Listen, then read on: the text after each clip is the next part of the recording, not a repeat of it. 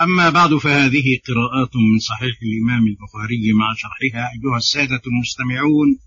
السلام عليكم ورحمة الله وبركاته. قال الإمام البخاري رحمه الله تعالى باب المكث بين السجدتين.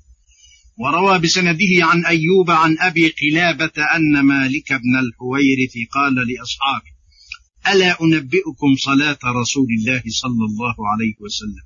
قال وذاك في غير حين الصلاة. فقام ثم ركع فكبر ثم رفع رأسه فقام هنية ثم سجد ثم رفع رأسه هنية. فصلى صلاة عمرو بن سلمة شيخنا هذا. قال أيوب كان يفعل شيئا لم أرهم يفعلونه كان يقعد في الثالثة أو الرابعة. قال فأتينا النبي صلى الله عليه وسلم فأقمنا عنده. فقال لو رجعتم إلى أهليكم صلوا كما صلوا صلاة كذا في حين كذا صلوا صلاة كذا في حين كذا فإذا حضرت الصلاة فليؤذن أحدكم وليؤمكم أكبر. وروى بسنده عن الأنس رضي الله عنه قال إني لا آل أن أصلي بكم كما رأيت النبي صلى الله عليه وسلم يصلي لنا. قال ثابت كان أنس يصنع شيئا لم أركم تصنعونه. كان إذا رفع رأسه من الركوع قام حتى يقول القائل قد نسي وبين السجتين حتى يقول القائل قد نسي. أقول وبالله التوفيق هذه الأحاديث كررها الإمام البخاري في غير موضع من كتابه الجامع الصحيح وذلك بحسب الأحكام التي استنبطها من الأحاديث. وكثيرا ما يستنبط الإمام الجليل البخاري من الحديث الواحد أحكام كثيرة. ويعقد لكل حكم بابا من الأبواب وذلك لأن الإمام البخاري لم يقصد بكتابه الجامع الصحيح مجرد جمع الأحاديث وإنما أراد إلى الجمع الفقه فيها واستنباط الأحكام منها. والحديث الواحد قد يشتمل على أحكام كثيرة ومن هنا اضطر الإمام البخاري إلى تكرار الأحاديث في هذا الكتاب الجامع الجليل. وإليكم ما يتعلق بشرح هذه الأحاديث. وما يستنبط منها مما هو ملائم للباب الذي عقده في مسألة. المسألة الأولى في شرح ما وقع في الأحاديث من ألفاظ غريبة منها ما لم أذكره فيما سبق ومنها ما ذكرته ولكني أردت التذكير به لطول العهد وحديث مالك بن الحويرث هذا الذي اشتهر بروايته من عيون الأحاديث وغررها في تعلم كيفية الصلاة من رسول الله صلى الله عليه وسلم. وفيه وصية رسول الله صلى الله عليه وسلم لقوله صلوا كما رأيتموني وهذا الحديث يعتبر أصلا في وجوب الاقتداء به صلى الله عليه وسلم في سننه العملية. قول مالك بن الحويرث لأصحابه ألا أنبئكم صلاة رسول الله؟ يعني ألا أخبركم وأعلمكم ولفظ أنبأ يتعدى بنفسه حينا وبالباء حينا آخر وفي الكتاب المعجز المبين. شاهد لذلك. فأما تعديته بنفسه ففي قوله تعالى قالت من أنبأك هذا؟ وتعديته بالباء في قوله عز وجل قل أنبئكم بخير من ذلكم.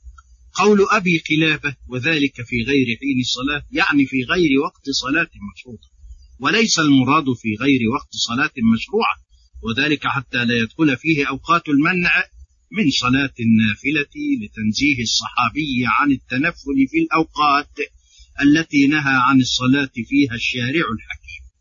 قول أيوب كان يقعد في الثالثة أو الرابعة أو شك من الراوي والمراد به بيان جلسة الاستراحة بعد السجدتين وهي تقع بين الثالثة والرابعة كما تقع بين الأولى والثانية وكأن الراوي للحديث قال كان يقعد في آخر الثالثة أو في أول الرابعة.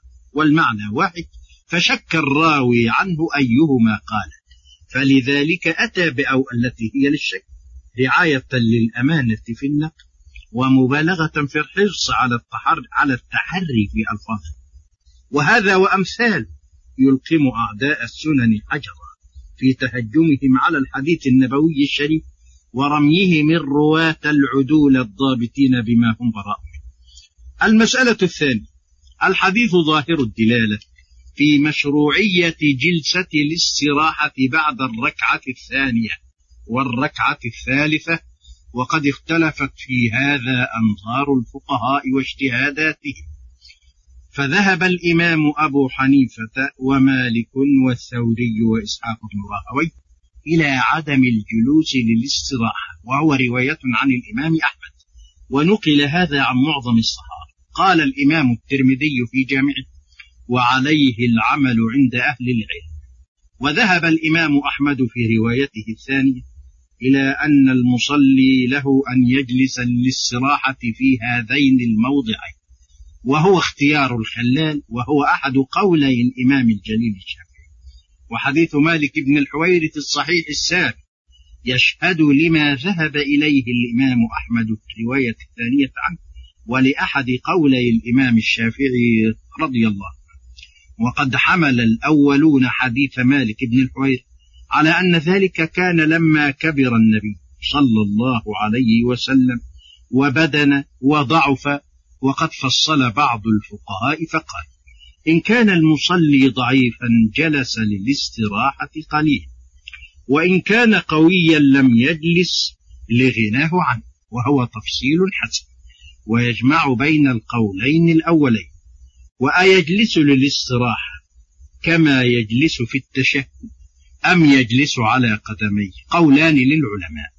وذلك لاختلاف النقل عن الصحابة في صفة رسول الله صلى الله عليه وسلم في هذا والذي يظهر لي والله أعلم أن الحالين ثابتان عن النبي صلى الله عليه وسلم. وأنه كان يجلس كهيئة المتشهد أحيانا ويجلس على قدميه أحيانا أخرى وبذلك نجمع بين الروايات وكفاها الله شر الاختلاف. وإلى القراءة التالية غدا إن شاء الله والسلام عليكم.